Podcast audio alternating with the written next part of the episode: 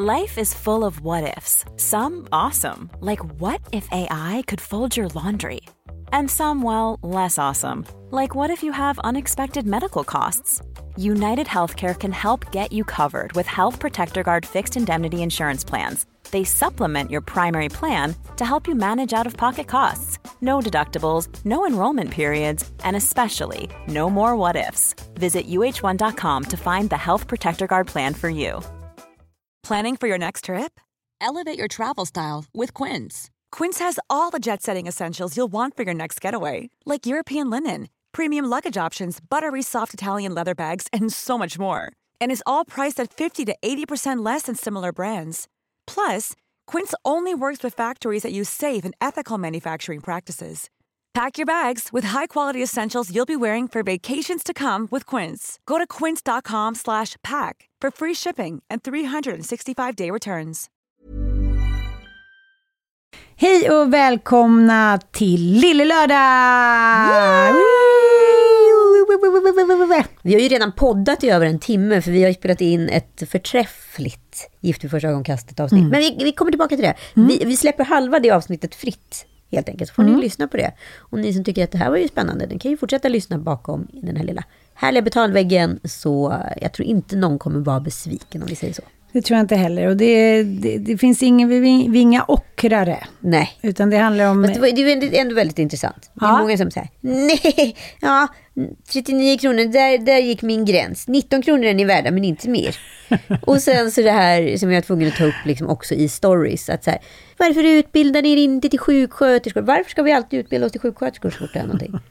Nej men jag fattar inte. Varför ska vi utbilda oss till undersköterskor så fort, varför, liksom, så fort det är någonting? Och jag sen- skulle vara en usel jag, jag, vi, på Jag stack dig, förlåt. jag fick, fick, fick fyra sådana. Mm. Ni borde utskilja er till undersköterskor. Varför tar ni inte ett annat jobb?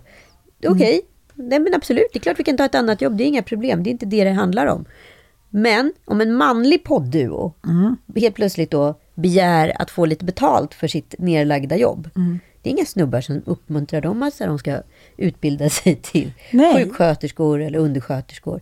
Utan de säger så här, fan vad, det fattar vi. Glatt. Ryggdunk.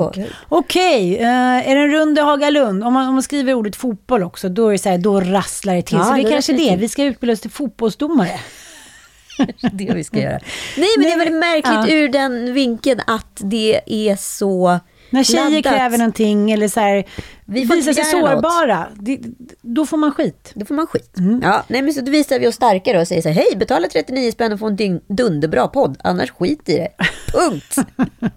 Och vi kommer inte prata fotboll. nej. Ja. Vet du vad jag har kommit på? Nej. När, när män tittar på fotboll och deras favoritlag förlorar, Mm. då får de PMS. Det är männens PMS. En förlust i fotboll. Ja, men vet du hur mycket känsloregister de går igenom under en fotbollsmatch? Förstår att de är helt tömda efteråt. Jo, jag förstår Det det. är men- glädje, eufori, ilska, sorg, avund. Alltså Mm, det är hela, liksom, all, varenda jävla dödssynd. Frosseri, sitter och slevar i någon chipsburk. Ja. Högmod. Så jävla starkt. Det Eh, det som min son som alltid så här. Ah, vad helt sjukt, jag gjorde Skorpionen förra matchen. Man bara, så fan vad sjukt att jag aldrig är på de där matcherna när de där grejerna händer. Det är Så mycket högmod när det kommer till fotboll. jag tänkte också skriva, eller jag eh, ska eh, bli rik på en eh, tröja. Aha. Jag är också, tror jag, väldigt bra som magnet. En sån här kylskåpsmagnet. Mm. Ge barnen fotboll och ännu mer fotboll så kommer rasismen lösa sig av sig själv. Gud vilken stark fotbollsmagnet. Tack, älskling, Det tack. där kommer du Hur inte bli jätterik på. Jag är ledsen att break your dreams so early. Säg den igen. Det fanns liksom inte en catchy phrase. Jo, kan vi få lite musik i bakgrunden? Lite så här, oh, manko. Lite så här fotbollsmusik. Ge barnen fotboll och ännu mer fotboll så löser sig rasismen av sig själv. Det är så svagt. Det är så jävla svagt. Det är så Mentometer alltså, det är så svagt på mentometern. Det, det, det, det, är ingenting. Det är så, också så här, det är mycket så här, löser sig rasismen av sig självt. det är liksom lite trevande. Den har inte riktigt bestämt sig, men den, den tror det.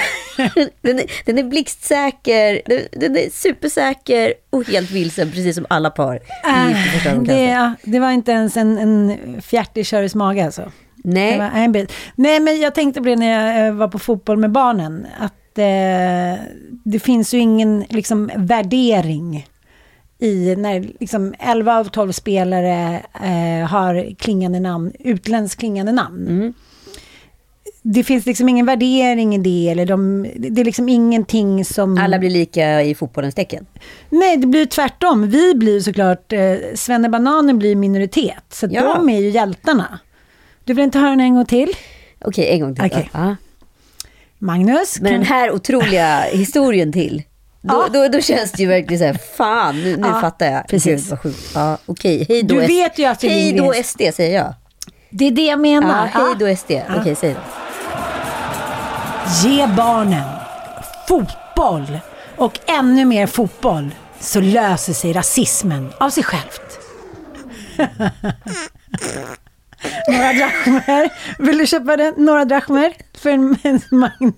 Jag vet inte, jag vet inte så här, jag vet inte, jag sponsrar hellre, jag köper hellre alla majblommor.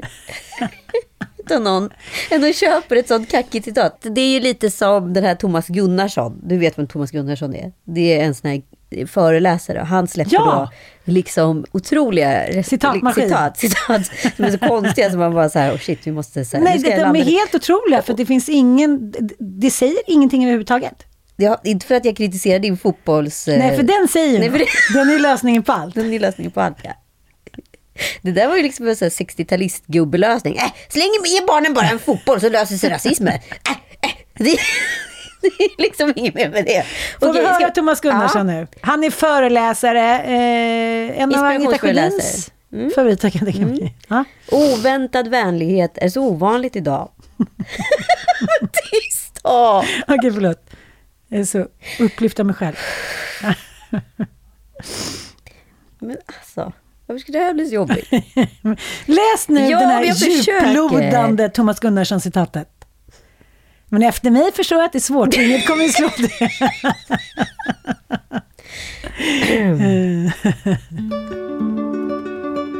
Oväntad vänlighet är så ovanligt idag. Men du är så jobbig. Okej, tyst. Skata.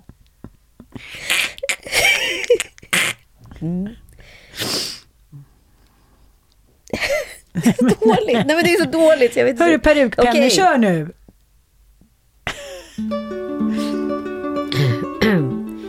Oväntad vänlighet är så ovanligt idag att det allt för ofta uppfattas som en flört eller närgångenhet.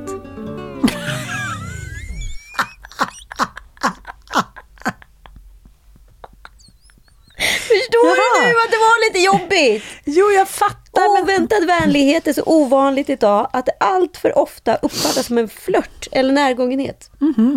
Okej, du tänker så. Oväntad vänlighet. En oväntad vänskap är annars en väldigt känd film. ja, det finns mycket plattityder och jag har tydligen... Eh, Du är med på, du är på Gunnarssons lista, kan jag säga. Från och med nu. jag måste erkänna en grej. Vadå? Jag kan inte. Jo, du måste. Och du sitter där i lilla cockteaser. Säg då. Okej. Jag DMade honom förra veckan. Nej. Jag frågade hans nästa föreläsning var. Nej men sluta. Jo, men det var för att en kompis till mig Nej, sa att, sluta, det, att hon hade varit på en en föreläsning. och Det vet vi. Okej då, förlåt Thomas. Jag har lärt mig allt jag kan av dig. Ja, det är därför det kom upp ett sånt här kackigt Ja, citat. kanske var det. För det var bara några Ja, det dagar är senare. Thomas fel. Det är Thomas fel. Han blev Jag jätterik på sina Thomas. Och då sa Thomas så här, tänk om fotboll bara kunde lösa grejer. Vi har fått många reaktioner på eh, förra veckans eh, väldigt eh, känsliga tabu att bli dumpad eh, av en kompis. Ja, men nu, du som följer slaviskt och likar allt som Holistic Psychologist skriver har ju också sett att det var just en sån grej som hon tog upp och hade fått extremt stor, stark reaktion på Twitter. Eh, Precis. Eh, jag träffade ju henne för några veckor sedan in, in real life. Har jag inte sagt det till dig? Nej, hur har du inte sagt det mig? Jag vet ju att hon var i Sverige. Ja, nej, jag träffade henne, kramade henne. Hon skickade ett DM till mig Nej. dagen efter. Jag var rätt het den dagen. Eh, då skickade hon så här, It was so nice meeting you last night, Anne, och ett rött hjärta. Ja, nu, Förstår har, nu är du? jag så svartsjuk. Ja, men nu är du väl ändå starstruck. Ja men verkligen, wow. Mm. Vilken grej. Ah, tack för det. Jag eh, tycker att hon är grym. Ja men hon är jättegrym och det verkar väldigt många andra också tycka. För hon har ju faktiskt 6,6 miljoner följare på Instagram. Ja, och eh, jag tycker att det, det är en väldigt bra terapi att läsa hennes små boxar. För de är väldigt för, liksom enkla och tydliga små psykologiföreläsningar i en till sju boxar på Väldigt Instagram. välformulerat. Ja, hon är grym. Eh, och då så, av en händelse, så såg jag det här för några dagar sedan efter vi hade poddat. Och då är det en box, då står det bara så här, the pain from a friendship breakup is real. We expect friendships to last forever. Och det är ju det vi pratade om. The ending is just as painful as romantic breakups. We just don't talk about it. För, na, det var det vi pratade om. Och då, eh, när jag läser de här 1769 kommentarerna, har jag såklart inte orkat göra då så slår det mig, men ganska många är det, så slår det mig dels ett skammen, två den totala ghostingen. Man kanske har varit vän med någon i 40 år. Och sen från en dag till en annan så är man bara blockerad i liksom tidseran sociala medier. Man är, man är blockad. Personen svarar inte, man förstår inte varför. Eh, den här vännen då som är ens bästis kanske har ett nytt gäng då, som, precis som du pratade om när man går på högstadiet, så vill man liksom vara med de som är ballare. Men det som slår mig är att det verkar inte vara någon liksom så här åldersrelaterat. Man kan ju förstå om man är kanske så här 17, man är på väg ut i liksom sin identitet och bla bla. Men det är märkligt många som är så här 45, 50, 37. Eh, och just det där att de som, de, det kan ju liksom vara att de inte själva har en självinsikt. Men nästan alla man pratar med och som även hört av sig till oss säger så här, jag fattar inte varför. Jag bara liksom ligger och ältar i minnet och så här, försöker hitta orsaker. Vad har jag gjort? Vi var liksom det bästa av vänner. Det är som att jag skulle ringa dig och vilja kliddra ikväll om någonting och du bara blockar mig och sen vill du aldrig mer Jag prata med mig. Jo, det gör det för sig, men jag vet ju varför. Nej, men, så här, Nej, men exakt, I romantisk kärlek, då fattar man ju, till slut så accepterar man det, även om det kanske tar åratal, och man går igenom massa olika faser, och köpslåendefasen och bitterfasen och bla bla bla. Men i vänskap så, i en härlig vänskap så är det nästan som en pågående förälskelse som bara djupnar Mm. Och mognar. Och, eh, Vi har ju fått lite läsarbrev, så Ja. jag tänkte jag skulle läsa det sista vi har fått in här. ja, Och, och här vill de också ha tips, så det kanske du har ett tips Ann? Hej! Tack för en toppenpodd. Har lyssnat igenom avsnittet kompisdumpning och känner igen mycket i mig. Är 40 plus idag och bor i Stockholm och känner att mitt förtroende för kvinnor har urholkats betydligt. Jag vill verkligen inte känna så. Det började med en utfrysning i skolan och fortsatte med rätt fräcka och fräna attityder, såväl privat som jobbmässigt. Har ofta blivit hobbypsykolog och när det inte finns ett behov av mig längre så går man vidare. En av mina närmaste väninnor stötte bort mig i samband med att hon blev singel. Jag vill bara ventilera. Hur gör man för att hitta tillit igen? Har ni några tips? det handlar om väldigt, väldigt mycket mer här i livet än bara vänskapen just där och då. Det kan vara en livskris, man kanske känner sig... Eh, din kompis kanske har gått och känt sig underlägsen dig i alla år. Eh, din Fast kompis... det här var ju ett, liksom ett mönster som hade upprepats i hennes liv, så det handlar ju liksom också mycket om vem, hur hon själv är i relation med kompisar. Jag kan ju känna igen det där att jag många gånger helt plötsligt funnit mig som en pushover i vissa situationer. Ja. Det vill säga att jag tycker att jag är superball och borde hänga med den här hierarkin brudar. Sen så har jag glömt bort såna här grundläggande saker eftersom jag då är inflyttad. Att så här, de här människorna har ju känt varandra från barnsben, de har historia, de har andra grejer ihop. Jag får vara med och leka ibland men inte alltid. Nej, jag fattar. Eh, och liksom någonstans eller någon gång i mig har ju jag accepterat den rollen. Men innan jag liksom låste det hos mig själv, då kunde ju det smärta mig fruktansvärt. Varför får inte jag vara med? Eller varför blev inte jag invald nu? Eller varför blev inte jag tillfrågad? Och så vidare. Ah, nej men, Ja, men det, vet, det vet ju jag själv med mina äldsta kompisar. När vi ska göra så, vi ska fira då att vi har haft vänskap massa år dit. Det är ju något heligt för oss. Men när man kommer inflyttad utifrån som du gör till exempel, och det är också USA är det väldigt vanligt att man liksom flyttar på sig och då får nya vänner. Och eh, det finns ett särskilt band, en lojalitet mellan vänner som kvinnliga vänner som har känt varandra väldigt, väldigt länge. Så att jag bara ändå någonstans tycker att det känns lite som att det här, många av de här som har blivit svikna eller liksom ghostade av sina kompisar, det är inte barndomsvänner. Nej, precis. Nej, och sen kan man ju ha varit vänner jättelänge och känna att, jag menar, du och jag har ju inte varit vänner superlänge. Vad är det, tio år, nio, tio år? Ja, alltså jag trodde vi hade varit kompisar sedan 20 år sedan du jobbade på Titan, men det kanske vi inte har. Jo, det kanske vi har, men... Nej, vi har ju haft en nära vänskap i sista nio åren. Ja, precis. Men för mig skulle ju det, om, om vår vänskap tog slut, skulle ju det vara som att förlora liksom både en syster men också en, liksom min bästis, förstår du? Det skulle vara supertungt, just för att vi är så inne i varandras liv också. Man går ut och in, men det är just det där att jag kan förstå att man kanske vill ta en paus eller att det handlar om andra saker, men just det att en andra person inte svarar. Det jag, jag har ju också varit med om situationer där jag liksom har haft singelvänner. Att ja. vi så bara egentligen har umgås genom att vårt, det enda som egentligen binder oss samman är att vi typ separerar samtidigt och blir singlar samtidigt. Okay, uh. Och sen så när den ena eller den andra har hittat en partner, då, då försvinner den andra ur. Och jag har inte liksom lagt så mycket värdering i det. Det mm. kanske är lite det där som vi kommer prata rätt mycket om i, i vad heter Gift i första ögonkastet-podden. Eh, att det liksom finns någonting som heter konstaterande och så finns det någonting som är kränkning. Och feltolkas det där, då kan man också hamna i konflikt. Liksom. Mm, mm. Um, och jag tror att många gånger så går man till sig själv och tänker att det är fel på mig.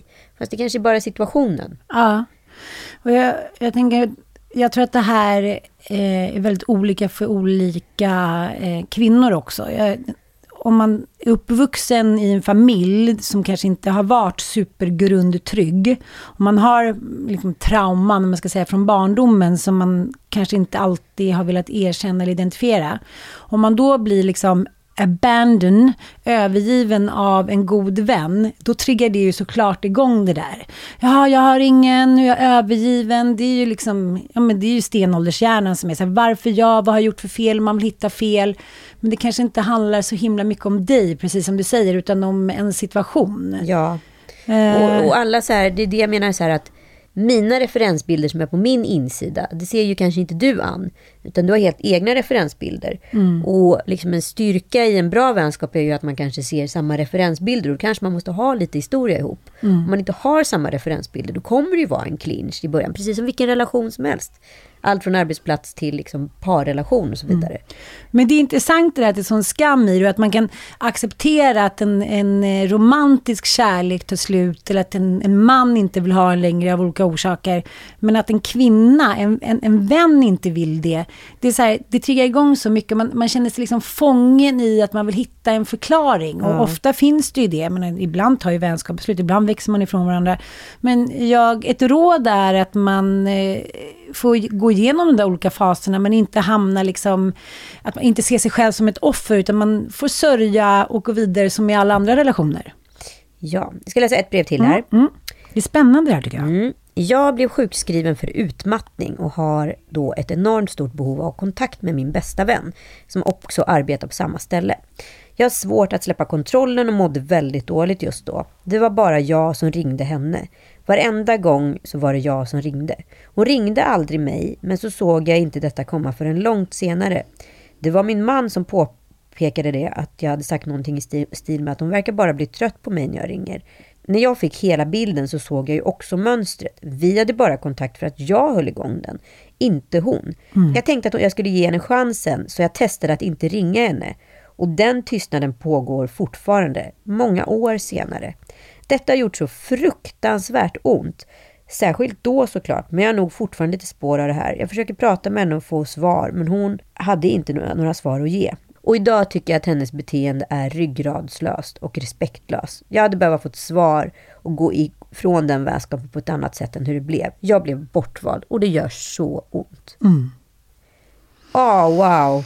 Och, den där ja. rollen. Fan, här måste jag faktiskt ge lite så kritik till mig själv också. Jag är också en person som inte ibland anstränger mig för relationer. Jag är den som sällan ringer. Och det handlar inte om att jag eh, inte orkar med någon person. Det handlar om att jag har mycket att göra, är disträ och också är alldeles för bortskämd med att folk tar initiativ till saker. Och jag är ju sån som säger ja till det mesta. Men jag drar ju sällan igång någonting själv längre. Jag gjorde Nej. det under en väldigt lång period i Ja, mitt liv. ja. Och det kostar jävligt mycket. Liksom. Eh, men jag förstår ju känslan av att vara den som hela tiden den som ringer. Men kompisen har ju uppenbarligen svarat. Men alltså det är så jävla svårt det här. Ja, men det var en tjej som skrev också på The Holy Psychologist eh, tråd då på hennes Instagram att så här, jag blev övergiven, eller jag blev lämnad av min bästa kompis på ett helt hemskt sätt och jag har så svårt att eh, öppna in liksom för nya tjejkompisar. Jag eh, typ blev lite så här folkskygg för att jag eh, är så hemskt att bli behandlad på det sättet. Jag tror att det är också för att det inte finns några förväntningar. Men det där blir väldigt tydligt också att när man, när man hamnar i en kris, eh, hur man har vårdat eller inte vårdat sina vänskaper. Mm. Det är ett lackmuspapper om någon eh, bryr sig så himla mycket. Ja men precis, Mm. helt plötsligt är det helt tomt. Eko. Nej jag tycker faktiskt jättesynd om den här kvinnan och jag förstår att så här, den där situationen är ju jävligt jobbig att vara i. Att man alltid är den som uppvaktar. Samtidigt så tror jag att så här, det är lite manligt take på det att säga att det är bara du som ringer. Alltså också. Att så här, ja i vissa relationer så är det en person som är den som så här, tja, vad ska jag säga, är igångstartaren. Men den andra personen är liksom mer passiv i just de grejerna. Men uppskattar jättemycket att man hör av sig. Men samtidigt så kan man ju tolka hennes tystnad som att så här, och hon tyckte väl inte att det var en härlig vänskap då, för att hon, annars hade hon väl ansträngt sig och hört av sig tillbaka. Eller är den här tystnaden bara baserad på ett långt och djuplodat missförstånd från två håll? Nej men det vet man inte men... men eh, Man måste faktiskt ställa frågan. Jag skulle ju så här rekommendera att ringa upp och våga ha lite ryggrad och säga så här. Varför ringde du aldrig? Vad var det som hände? Utan att vara arg. Jag förstår att det är skitsvårt nu liksom. Men tänk om man skulle våga. Vad mycket, vad mycket lättare livet skulle bli. Mm. Men det, det taskigaste sätten är ju de som ghostar. Och det finns ju, mm, jag menar både män och kvinnor. Ja, hon har ju uppen, hennes kompis har ju man uppenbarligen liksom- ghostat. Jo, men jag tycker att det, det är så tydligt också. Jag hör hela tiden om kompisar och par som till och med har barn ihop. Och som har liksom levt ett helt liv. Så kanske den ena har träffat någon ny. Då är det den som har varit en douche. Som ghostar och bara slutar höra av sig. Jag bara säger, jag vill inte ha någon kontakt med dig. Men bara, det handlar ju också om att skydda sig själv. Ja. Så att eh, man får tänka att det, eh, det kanske händer av en orsak att du själv ska rannsaka dig själv och se ditt egenvärde. För det vet du, särskilt i relationer som har pågått länge, även i vänskap, så finns det en hierarki. Och alla vill att man ska vara kvar ungefär på det stället som man var när man var på sin, sin toppplats i livet, tror jag. När alla var liksom the hottest Ja men det shit blir och ju coolast. lite som en syskonskara så här. Du är den tokiga, du är den gulliga, du är den smarta. Alltså, så eh, ta reda på vem du vill vara och man vill ju inte ha en kompis som beter sig sådär. Och det kanske man kan trösta sig med det, det hände av en orsak. Ja, men jag kollade faktiskt på Cyklopernas land och då pratade de just om ghosting. Det har verkligen varit på tapeten. Jag såg även att Hanna och Amanda pratade om ghosting i sin podd. Så att det har varit ett hett ämne den här veckan. Eh, och då visade det sig att liksom, det, min analys av vad som sades i programmet var i Cyklopernas land var ju att eh, båda killarna i, som satt i studion valde att ghosta relationen för de var så konflikträdda. Mm. Så att så här, många gånger tror jag att så här, ghosting också hänger ihop med konflikträdsla. Absolut. För att, man, inte är, orkar. Det handlar ju mer om en ryggradslöshet. liksom. Och det kan ju vara fruktansvärt provocerande. Men de tyckte att det var så smärtsamt att ge den andra ett dåligt besked. Jo, jag vet, men det är den taskigaste jävla fegskiten Ja. man någonsin kan göra. För att det påverkar hela ens liv liksom så otroligt mycket när man inte får svar på varför man inte var värd. Le petit mort. Ja. Den lilla döden, Ja. som det heter på franska. Ja. Den lilla döden. Du vet, döden är ju oemotsagd. För man, man kan inte ställa några frågor. Man får inte reda på vad som hände. Man får inga svar. Att ghosta är som att bli lite, min, lite död. Och jag, den som ghostar då, eller strutsar, jag förstår att det är det skönaste och enklaste sättet i stunden. But Ja, it's för gonna det räddar ju bara en själv. Ja, ja, it's gonna haunt you down. Vi fick väldigt många sådana här frågor vill jag bara säga om ghosting. Vi hinner inte läsa alla för att det måste bli en annan typ av podd också. Men jag vill läsa en annan grej som jag tror många känner igen från avsnittet som var innan där vi pratade om att män vet bäst. Och då har vi fått det här brevet. Pappan är en män vet bäst man. Fotbollstränaren som aldrig behöver engagera sig i trams, som föräldramöten i skolan. Sån som står på fotbollsplanen fyra dagar i veckan. Nu är vi klassföräldrar och det mejlas ut till alla att vi skulle meddela våra nummer till den ansvariga mamman för att kunna skapa en WhatsApp-grupp för kommande engagemang kring, kring en klassmiddag. WhatsApp-gruppen skapades och inleddes med Hej, nu har jag fått ihop alla mammor i gruppen. Vem vill duka? Eh, och då replikerade jag så här, vi kanske ska bjuda in papporna i gruppen också, det är ändå 2023, men fick ingen respons alls från någon. Och då la jag till mitt ex som totalt ignorerade tråden. Jag också, bara för att markera hur som kvinnor oftast kan vara dåliga på att tänka nytt och jämställt istället för att männen ska slippa allt lullull. Mina pojkar skyddar deras far i alla lägen och spelar ingen roll att han aldrig deltagit i föräldramöten, utvecklingssamtal, städdagar, annat jävla kvinnogöra. Ta ansvar för läxor, skriva på pappor till barnen och ja, allt som inte har med att stå på fotbollsplanen fyra dagar i veckan. Vill bara säga det där med att män vet bäst träffade mig så hårt. Som jag stångats med den där Janne Andersson-kopian. Barnen som skyddar och försvarar. Fy fan, tack för att ni sätter ord på känslor. Grymt. Ja, grymt. Det finns ju många män vet bäst där ute, det vet vi ju. Mm. Och också kvinnor som vet bäst, det vet vi ju också. Mm. Tyvärr. Det finns det är därför vi borde utbilda oss till Ja. undersköterskor. Nu gör vi det bara. Ja.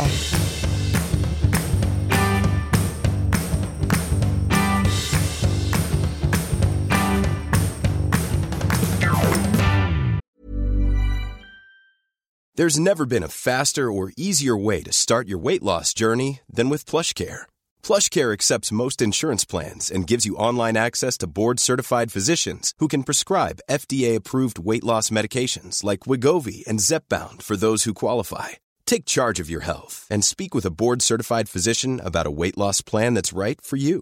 Get started today at plushcare.com slash weight loss. That's plushcare.com slash weight loss. plushcare.com slash weight loss. Hiring for your small business? If you're not looking for professionals on LinkedIn, you're looking in the wrong place. That's like looking for your car keys in a fish tank. LinkedIn helps you hire professionals you can't find anywhere else, even those who aren't actively searching for a new job but might be open to the perfect role. In a given month, over 70% of LinkedIn users don't even visit other leading job sites. So start looking in the right place. With LinkedIn, you can hire professionals like a professional. Post your free job on linkedin.com slash people today. Nu i veckan som var så kom sista säsongen utav Exit. Säsong tre helt enkelt. Norske Guttine. Ja, och även succéserien Succession går på sin sista säsong. Och eh, i båda de här fallen har ju både då tv-kanalerna velat fortsätta. Men inte manusförfattarna. För att man har då sett att eh, det har skapat okynnestrender genom de här tv-serierna. De här antihjältarna, ser, serierna alltså skapats för att visa vidrigheten i rikedom. Lite som Gordon Geckos karaktär i Wall Street. Men Gordon Gecko slutade ju med att han blev liksom hela trendpersonen inför hela yuppie-världen på 80-talet. Samma sak har hänt med de här Exit-killarna. De har ju blivit supertrendiga på att vara liksom den moderna yuppien. Jävla svin. Ja, alltså. supersvin. Eh, och eh, Succession med deras liksom familjehierarkiska liksom vidrigheter, det är egentligen är så intressant eftersom alla karaktärerna är absolut vidriga. Ja, Eh, så har de ändå blivit otroligt åtråvärda för att de lever en livsstil som är så fruktansvärt eh, avundsvärd för många. Eh, och det var ju samma sak egentligen med Sopranos. Eh, den gick ändå så här glada 15 säsonger. Men de la ju ner den serien också. Väldigt ovissa om de skulle fortsätta. Och så blev det ju aldrig något, eh, någon fortsättning eftersom James Gandolfini gick och dog. Alltså Tony Soprano. Eh, men den var de tvungna att också avsluta för det blev liksom en helt ny, vad ska jag säga, palett för en ny typ av maffia att starta. Det, är liksom, det, det var ju det som hände med Gudfadern också. De trendar ju maffian på ett liksom jävligt risigt sätt utan att veta om det. ja men det, det, i en viss ålder, som vi har pratat om innan, Pretty Woman till exempel. Det är så här, ja, då trendade ju i att unga tjejer, sen, det verkar ju råhärligt ju att vara prostituerad. Det verkar inte vara så farligt. Och vad snygg, vad snygg han var också. Ja. Att man är väldigt lätt påverkad för eh, tv och bio. Man vill bli inlurad i det där. Det är ju som eh, Man vill vara del av det där. Ja, sammanhanget som precis. porträtteras. Och, Och det verkar vill- spännande. Ja, men Exit till exempel, de är ju... Alltså det finns ju ingenting, det finns ju inte ens brödraskap. Det man ändå måste ge Succession är ju att de där syskonen i sista säsongen ändå framstår som att de liksom skyddar varandra. Så det finns alltid någonting som man kan försvara sig själv med. Så här, ja, ja, de kanske är arslen, de kanske är hiten och ditan, men de har ändå känslor. Och för fan vilket najsigt liv. Och de är ju roliga. Just det där, så var det med Tony Soprano också. De är snabba i repliken, de är smarta, de är roliga. De äter, de garvar, de festar. De, de lever ett åtråvärt liv och de är smartisar. Och det blir ju så här jävligt eh, liksom, kittlande för många. Och sen så är, filmas de här serierna på liksom exklusiva adresser och det känns liksom... Det, det finns ju två lager. Det finns ju ett lager som känns otroligt glamoröst och flärdfullt. Och så finns det det här lagret som handlar om vidrighet. Men om du inte ser vidrighetslagret utan bara så tänker på liksom, vad ska jag säga, patinan. Vad som finns i, i, på arenan. Då ser det ju otroligt härligt och drömskt ut. Ja. Och då skiter du i att folk är vidriga. Men det som är jävligt spännande, jag såg en... eh, Vi pratade ju för ja, säkert ett år sedan eller två, när vi pratade om att det finns väldigt mycket serier om brottslingar, vilket egentligen både Exit-killarna är och Succession också. Alltså, Ja. eh, En utav familjemedlemmarna, ifall ni inte har sett serien, ska jag inte spoila för mycket, har ju då faktiskt mördat en person. Men moralen är ju död. Ja, moralen är död. Pengarna har blivit moralen. Exakt, vad händer när du byter ut moralen till pengar? Det är ju liksom eh, själva plotten kan man väl säga. Eh, och det som är grejen är att nu har det faktiskt kommit en serie på det här brottsoffersperspektivet som jag tycker är så jävla bra. Eh, och sjukt spännande. Med en maffiavinkel. Va? Går det? Går det? Jo, det går. Disney Plus har den. Det är The Good Mothers. Eh, det är en italiensk eh, miniserie, det är sex avsnitt, som handlar om en jäkligt, och det är en sann historia, en känd eh, försvarsadvokat i Italien som kommer på, knäcker koden att vi går på kvinnorna. För kvinnorna inom de här olika maffiafamiljerna uppe i norra Italien, de är som slavar. De är lägst stående, de får göra precis samma grej som alla snubbar får. Men de får bara skit, de är inlåsta, de är papporna i familjen har bestämt vilken jävla maffiaidiot de ska gifta sig med. De blir misshandlade hela tiden. Om vi kan ge dem ett bättre liv med skyddad identitet och så vidare, då kanske de kommer ratta ut de här rötäggen vi vill åt. Det är en rätt slug strategi. Men man får följa de här tre kvinnornas öde som alla tar olika form baserat på det här valet som den här åklagaren ger. Liksom. Ja, de alternativen. Ja, du, får så här, du får skyddad identitet. Vi kommer liksom röja alla spår utav dig. Du kommer ge dig en annan adress, allting. Men du måste vittna mot alla dem du är livrädd för. Gud. Men får de, får de ta med sig barnen? Ja. de får ändå, för det, om någon skulle säga så här till mig, ja, eh, du, du får vittna, du, du får ny identitet, du får bo i en lyxig, liksom, ett lyxigt hus i bla bla bla, men du kan inte ta med barnen, då hade jag ju skitit i det. Ja, men det är ju också det. Då kommer ju med- medberoendet in. Och hur familjemedlemmarna jobbar genom barnen för att nå. Det är de som kan också sen eh, offra dig. Så att så, du, du skulle älska den här serien Ann, för Ja, det här är gud, liksom en otroligt Ja. bra serie. Det måste jag säga.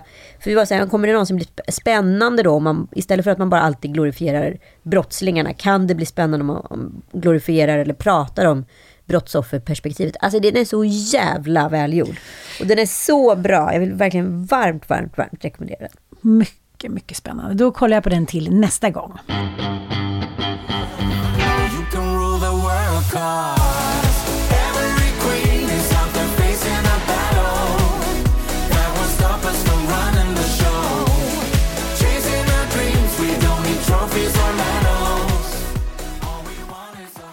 Ja, så hände det då. Finalen utav Drag Race som jag älskar så mycket.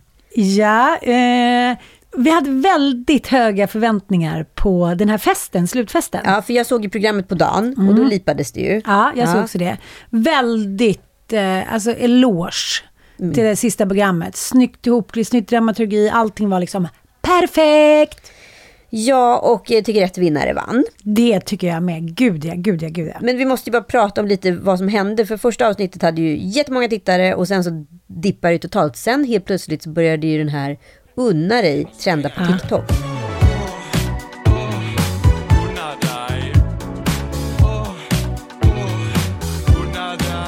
Jag tänker på mycket på scenen i, jag vet inte om du kommer ihåg den, i femte elementet. När det ska vara den här konserten med den här utomjordiska prinsessan. Ja, ja. Eh, Att hon, hon är liksom lång, stor och helt sagolikt vacker i sin konstighet. Ja, jag fattar. Eh, och förhäxande. Och jag får lite så här samma feelings med de här. För att de har ju blivit barnhjältar. Det är, de är ju vad prinsessor var när vi var små. Det har ju blivit drag queens idag. De, gör ju, de, de stoppar inte attributen. Det är bara more is more. Och barnen älskar dem. Ja, men de är serietecknade fast på riktigt. Ja. Det är liksom too good to be true. Och sen att de är sådär gigantiskt långa då. För sätter en kvinna som är liksom 1,85 på sig ett par klackar, då är hon ju rätt fort två Ja. meter. Och sen så sätter du en kjol på det, då är det så här sex meter tyg rätt fort. Alltså det blir väldigt stort, det blir väldigt bombastiskt, det blir väldigt svulstiskt. Och de ser helt otroliga ut. Jag vet, men ja, inte alla kanske. Men de som... eh, De Men som... I'm a Queens, den här kakelums Ja, nej, liksom, nej, mössan. helt otroligt. Otrolig. Men alltså vi blev ju förhäxade av hennes outfit. Ja men vet du, det var alltså rockstjärnestämning där Nej, men inne. det är som, du, som vi pratade om igår, det är, det är någon konstform som också så här, jäckar alla ens sinnen. Det är liksom, man kan inte sätta konstformen på plats. Och jag tror att det är det som barn tycker är så otroligt spännande. Det är så här, men gud, det är som eh, The Rabbit Hole. Det, det, alltså, det- det är alla deras fantasier i en och det är på vuxna människor. Min kompis dotter typ svimmade ju när eh, vi sa att vi skulle gå dit. Hon, säger, hon fick annöd för att hon tyckte att det var så stort. Det var liksom, hon, var helt, hon är helt förtrollad av de här drag queensen. Ja. På ett sätt som jag aldrig har sett. Nej, men det, är liksom, det är en ny form av popstjärne-era. Vi ska bara lyssna på hur det lät när eh, Queensen kom in.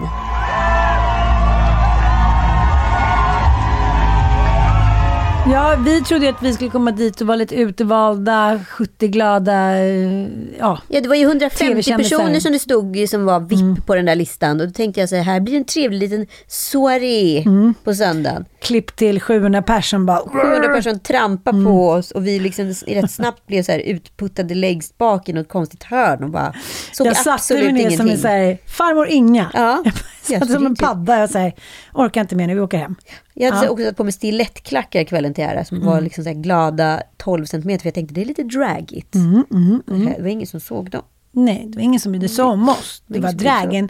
Men vilket hysteriskt Beatles-jubel när eh, de kom in. Nej men Nej, jag vet osannolikt. inte om jag ens har hört något liknande. Öronbedövande. Ja. Folk skrek och liksom nästan så här svimmade, så folk som grät.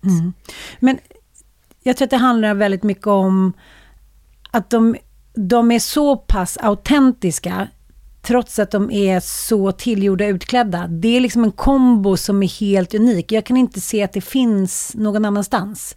Och i den här skitvärlden som vi lever i nu så spelar ju alla någon roll av vilka jag ska vara. Det är så jävla ytligt, det är så viktigt vem man är men ingen vill veta vem de är för det var inte så attraktivt. Och då kommer det här gänget in och eh, nej men det är, det är som du säger, det är någonting gudalikt. Det är någon som har skickat ner de här utomjordingarna slash gudarna till jorden för att rädda oss. Tror du inte att vi känner lite så undermedvetet? Jo, absolut. Nej, men det var, det var liksom också så här, jag blev så, så här, eh, rörd av, måste jag säga.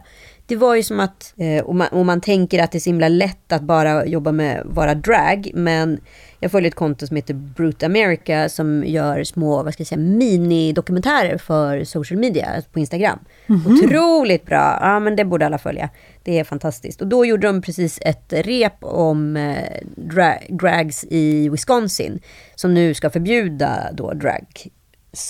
Aha. Ja, man får inte praktisera det utomhus för att det kan eh, finnas nakenhet och det kan vara offensivt för barn. Och då får man alltså bli man av med sin rösträtt. Nej. Nej, men så jävla eh, ja, kristet är USA.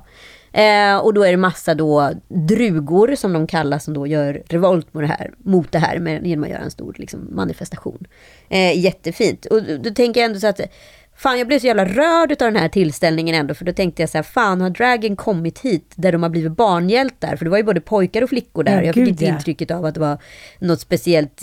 Det var ingen, och även min son Tom Allan som är en fotbollskille älskar Drag Race. Vi, de kollar på det slaviskt och de älskar det på TikTok och liksom varit så engagerad i programmet att det inte spelar någon roll längre. Alltså jag fick en sån Mm. jävla så här, fy fan de har slitit i så jävla många år med det här och bara levt liksom som någon form av så här pseudorörelse i, i liksom samhällets utkant och varit liksom en utstött liksom missanpassad grupp och helt plötsligt så är de inne i liksom finrummet och liksom Beatlesifierade. Alltså jag tyckte det var en sån jävla revansch och liksom jag var verkligen rörd utav den känslan.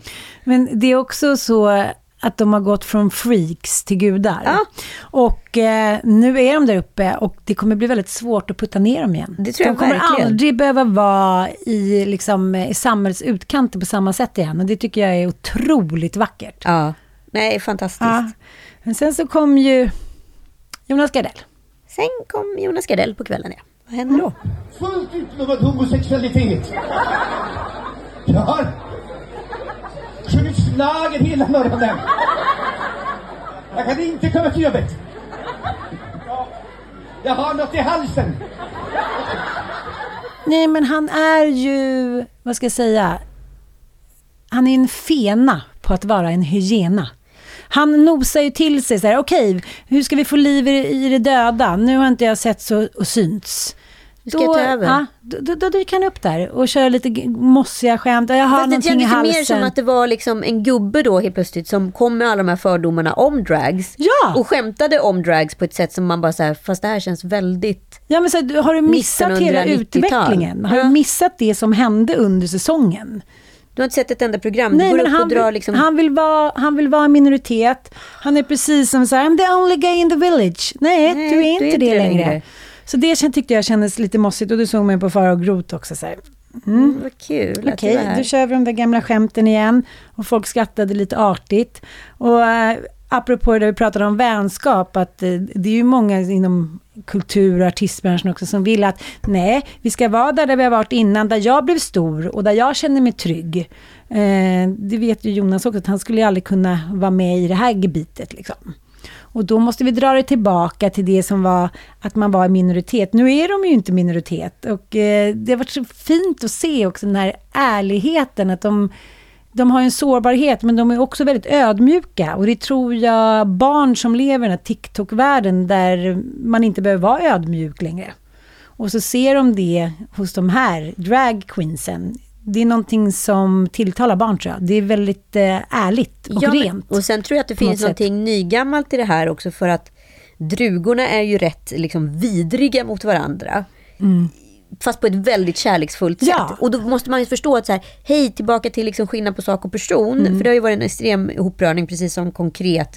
Och kränkning har varit en Precis. stor liksom, hoprörning. Att så här, om du skämtar med väldigt högt i tak inom en liten grupp. Mm. Där alla är med i leken. Då är inte det en kränkning. Utan då är det något så här konkret som går att liksom faktiskt bara vifta bort.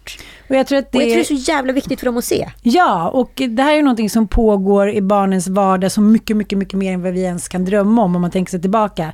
Det är intriger, det är bråk. Nu är den dum mot den. Det märker jag ju bara på mina pojkar. Ja, men Liksom- med tjejer som Ja. också så här, och man bara, gud det är alltid konflikt i alla tjejgrupper. Ja, men det är bara så här, det är ju en del av livet och den utvecklingsfasen och då ser här dragqueensen att de kan ha det där högt i tak och vara lite taskiga mot varandra, men man behöver inte ta det så på personligt. Nej, Det, är, liksom, det här är sån utbildningsnivå för nästa generation Ja. barn. Ja men som där allting också rört ihop och framförallt så många vuxna som inte har heller någon humor, eller något humorkapital. Nej. Som inte har kunnat sett de här, att det finns olika skikt och nivåer på sånt här. Att så här, nej men det där är inte mobbning.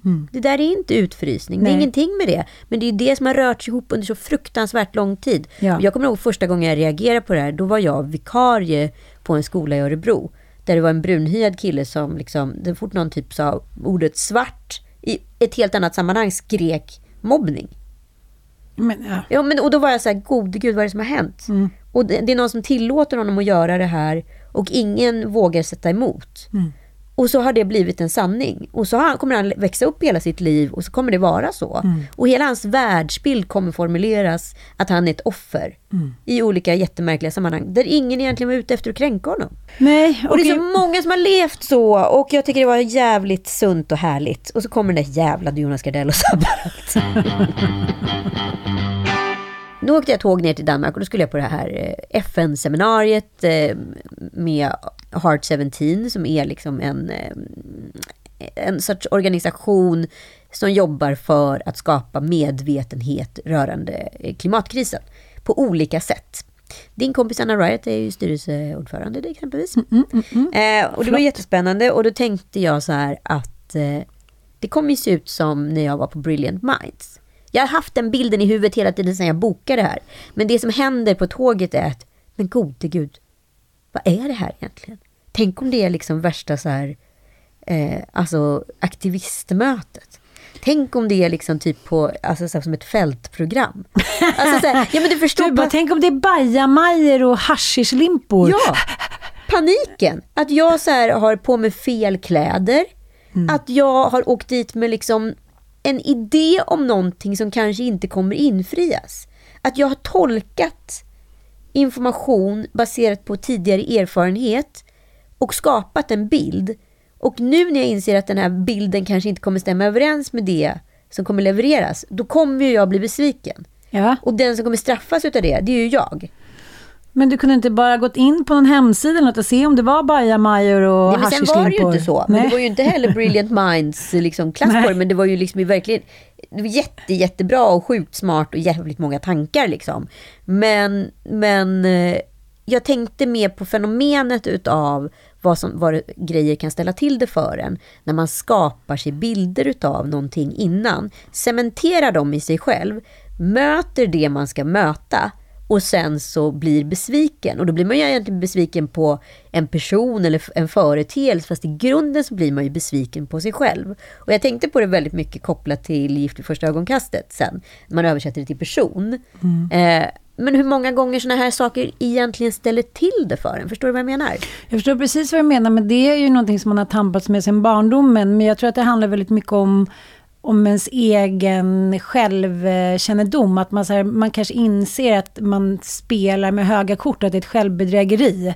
Att man, eh, man vill känna vara engagerad i vissa frågor eller vissa människor lite dit. Men är det inte med den där extra guldkanten, då kanske man inte känner sig lika attraherad av det. Förstår du? Som i Brilliant Minds, där är det så här, ja men det är lite klackar, det är lite fnoffigt, det är liksom, det är snygga människor, det är Stora snyggt uppträdanden, snygga ljusshower, hej Ja, precis. Det är så här, it comes with the territory. Att så här, någonting som på pappret kanske inte är lika sexigt blir sexigt med glim, glimglimmet runt omkring. Och när du ser den här ja, men bajamaja och så här eh, fält... Fast det eh, var liksom- ju inte det. Nej, jag vet. Men Fast det- varför tänkte du att det skulle vara det då? Nej men för jag visste ju inte, alltså så här, jag åker dit med en föreställning. Jag har sett den här inbjudan, jag har läst på. Eh, och liksom, det var en jättesnygg digital inbjudan och liksom ett program och så vidare. Och det var väldigt brilliant mindset, förstår du vad jag menar? Ja. Men det betyder ju, alltså min association gick ju då direkt till att det var ett väldigt så här eh, lyxigt, överdådigt seminarium på något Ja. sätt. Hur många gånger i livet har man inte åkt på en, gått på en dejt, varit på en middag, gått på en fest med en föreställning om att saker ska vara på ett visst sätt. Kommit dit och inser att saker inte är på det sättet. Det behöver inte betyda att det är sämre, men det är inte vad du har föreställt dig. Men förstår du vad hög fallhöjden är när man hela tiden går runt med de här bilderna i huvudet utav någonting? Och så är det inte det. Nu var det ju inte bajamajor, det var ju inte på den nivån. För då hade jag haft panik, för jag hade ju inte haft en, eh, liksom ett klädesplagg för en bajamaja, sitta på golvet, fältaktivistgrej. Men, men tänk om det hade varit det. Det hade varit skitläskigt. Ja, ja.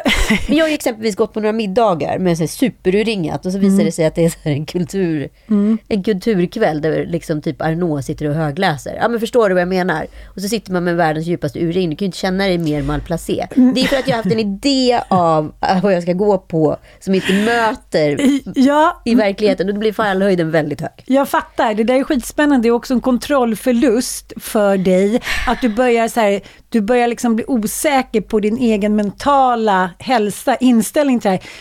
Kan jag ha lurat mig själv? Alltså det blir liksom, det blir Men har du alltid en ka- canvas i huvudet? Åker Nej, du alltid till ett ställe gud, nej. och känner så här, åh jag är ett öppet sinne, undrar vad det här ska vara? Nej, men jag åker inte på så himla mycket grejer heller längre. Eh, så det kanske har, har med det att göra. Men jag tycker att det där är faktiskt extremt spännande. Ja, men Att- om du suttit och chattar med någon person Mm. som du ska på dejta. Eller liksom, och sen så helt plötsligt så är inte den personen som chatten. Nej, nej men, men vi har ju väldigt mycket föreställningar, men det är ju också en överlevnadsinstinkt att vi kan ju inte så här, det är ju därför människor har skvallrat i alla tider, för att man, man måste göra sig en bild av människor man ska träffa, för annars blir det alldeles för osäkert. Då går man ju omkring och tror att en björn ska hoppa på en hela jävla tiden. och nu var Baja, Baja var ju din björn, förstår vad jag menar här? Du visste inte hur det skulle bli och då hade du kontrollförlust. Men, men jag håller verkligen med, men du vet den här klyschan när man säger så här, var så jävla kul igår, jag hade liksom inte för mig att jag bara hängde med Kekke och Lacke. Liksom, Det är de helt kvällarna o- man har roligast. Ja, helt osminkad, det var då jag träffade min man hit och dit. Att det är ganska blankt. Mm. Och då kan man äntligen slappna av. För att hela livet går ut och föreställa sig för hur saker och ting ska bli. Det är ju därför vi dricker vin, det är därför vi droger, det är därför vi tar sömnmedel och psykofarmaka. För att vi orkar inte regissera vårt liv hela tiden. Nej, men jag tänker också så här, så många möten, och nu handlar det inte bara om dejter, utan det kan handla om vara ett möte av en person. Ja. Om du har hållit på och mejlat med någon, eller liksom gjort ett videosamtal med någon, och sen så när du Ja. väl får träffa den IRL, och känner dens doft och känner dens Mm. energi, att du kan bli så här, wow, så besviken. Men jag tror att du och jag är extremt så, därför skulle jag, tror jag aldrig att jag skulle kunna gå ut på Tinder. För att jag har väldigt svårt att ställa om. Jag, Mm. Ja, kanske en liten bild med en Vi kanske fisk. tar ett klipp här och sitter i tre månader. Ja, det. Ja. jag menar är att jag tror att vi båda regisserar mycket av vårt liv, vårt huvud 24-7. Tankarna bara hela tiden, hur det ska bli. Så att den föreställningsvärlden då när det blir något helt annat, den försätter oss i en situation, vi vill inte ändra vår regisserade film och manuset. Nej. Det handlar om att säga, nej det ska vara så som jag vill i huvudet. Och så blir inte det. Jag har extremt svårt att ställa om. Ja, men, och det är det där som jag nailade när jag satt på tåget. Men så här, för att det var ju inte liksom bara rädslan för bajamajan. Det var ju inte Nej, där. nej. Utan det var ju mera så här, vad håller jag på med? Ja. Eh, så vad håller jag på med? Varför har jag bestämt mig för att det ska se ut på det här sättet? Det är ju bara jag som förlorar på det här i sammanhanget. Det är ju ingen annan. Nej, men det är ju det som är den stora insikten av allt sånt där. Att det är ingen annan som blir som barn säger så här, då tänker inte jag vara med och mysa på fredag om inte jag får det där. Nej, men var inte det då? Nej. Alltså, det, det är ju ingen som bryr sig om du kommer dit och en annan föreställning. Förstår du vad jag menar? Nej, nej, nej, verkligen inte. Så det kanske är högmodet vi ska jobba på. Ja, men det är högmodet. Men jag tänker att det här låser ju fast väldigt många människor. Och jag skulle Ja. vilja att ni lyssnare, för jag tyckte det var så himla kul att läsa upp lite brev igen. Ja. Eh, hör av er till oss på DM, allt är såklart anonymt. Eh, och ni skickar in era så här, värsta sådana situationer. Eller om ni nu i efterhand till och med kan tänka igenom så här, var det mitt fel? För att det där blev så tråkigt, eller det där blev så dåligt. Våga vara liksom lite sårbara och våga vara ärliga. Ja, men vi var ju på eh, en gemensam middag för ett tag sedan och då var det ju en tjejkompis som berättade om just det här med tantrasex, att hon hade anmält sig till en kurs med tantrasex. Ja. Och jag var så här, åh nej och fy, och, mm, mm, mm. även fast man såklart är nyfiken så i min värld är ju det då haschlimpa och typ knullbajamaja. Ja. Jag säger, Menar du bajspalatset? nej men jag känner så här, men det är en kontrollförlust Ja. för att jag då inte kan styra situationen. Precis. Utan då ska jag sitta där då, så hon berättade att hennes kompis hade fått fem orgasmer bara av att sitta i skogen med någon eh, tomte. Men för man tar ju inte på Nu varandra. säger jag sitter- tomte också, för det ska Ja. vara en tomte. Ja. Mm, en knulltomte. Ja, men det, de sitter ju precis som du och jag gör nu, mitt emot varandra med Ja. lite distans. Ja. Och så genom så här, att kunna komma in i sig själv, surfa på energier och på det sättet väcka orgasmer. Precis. Ja, det är det som tantra är. Ja, och då eh, kom jag på, men gud, jag är nog ganska bestämd i sängen. Så här, ja, nu, nu, nu styr jag styr det där också. Ja. Och det, har inte, det inser man ju inte förrän man börjar göra lite mina analyser om att så som man är där, i den situationen, det kanske följer ett mönster. Hmm. Då sa hon något väldigt fint, att hon, hon sa att jag har så svårt att slappna av när jag har sex, för allting är så prestationsinriktat hur jag ska se ut. Mm. Det, det, det bryr inte jag mig så mycket om när jag har sex faktiskt. Utan det, det kan nog vara trollemor Men det är väl jättemånga som vill leva porrfilmen. Alltså så här, Ja. panik någon gång. Jag hörde någon kompis som så här, de hade haft sex framför en spegel. De bara så här, det dallrar överallt. Mm, såklart. Ja, och Ja. Hon, hon var liksom helt förstörd efteråt. Det blev inte alls den här kåta upplevelsen, utan det blev liksom Mm. istället så här, jag såg ut som en fläbbig fisk.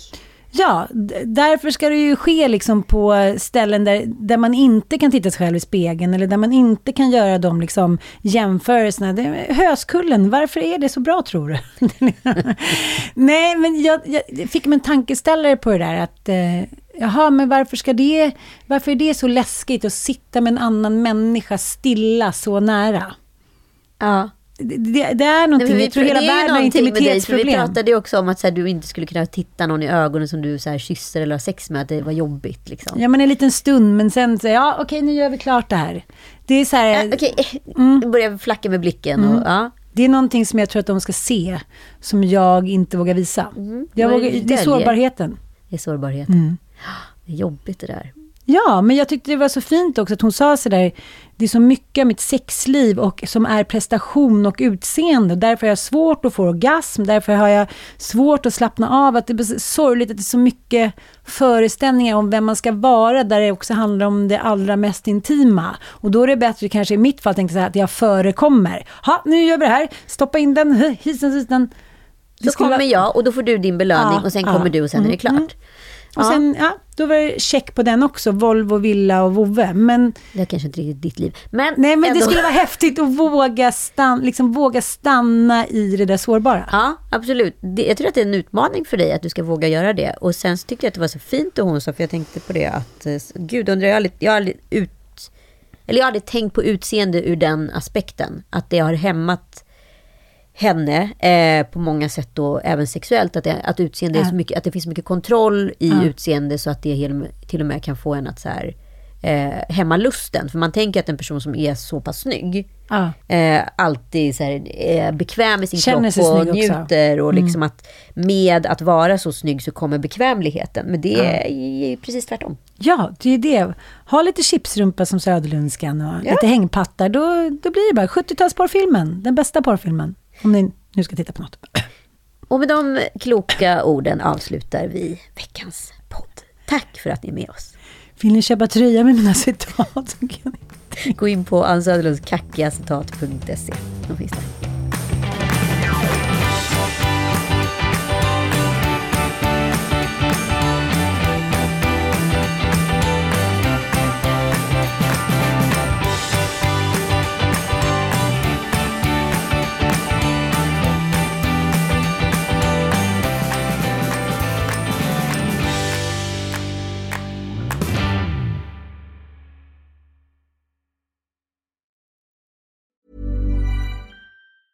Planning for your next trip? Elevate your travel style with Quince. Quince has all the jet setting essentials you'll want for your next getaway, like European linen, premium luggage options, buttery soft Italian leather bags, and so much more. And is all priced at 50 to 80% less than similar brands. Plus, Quince only works with factories that use safe and ethical manufacturing practices.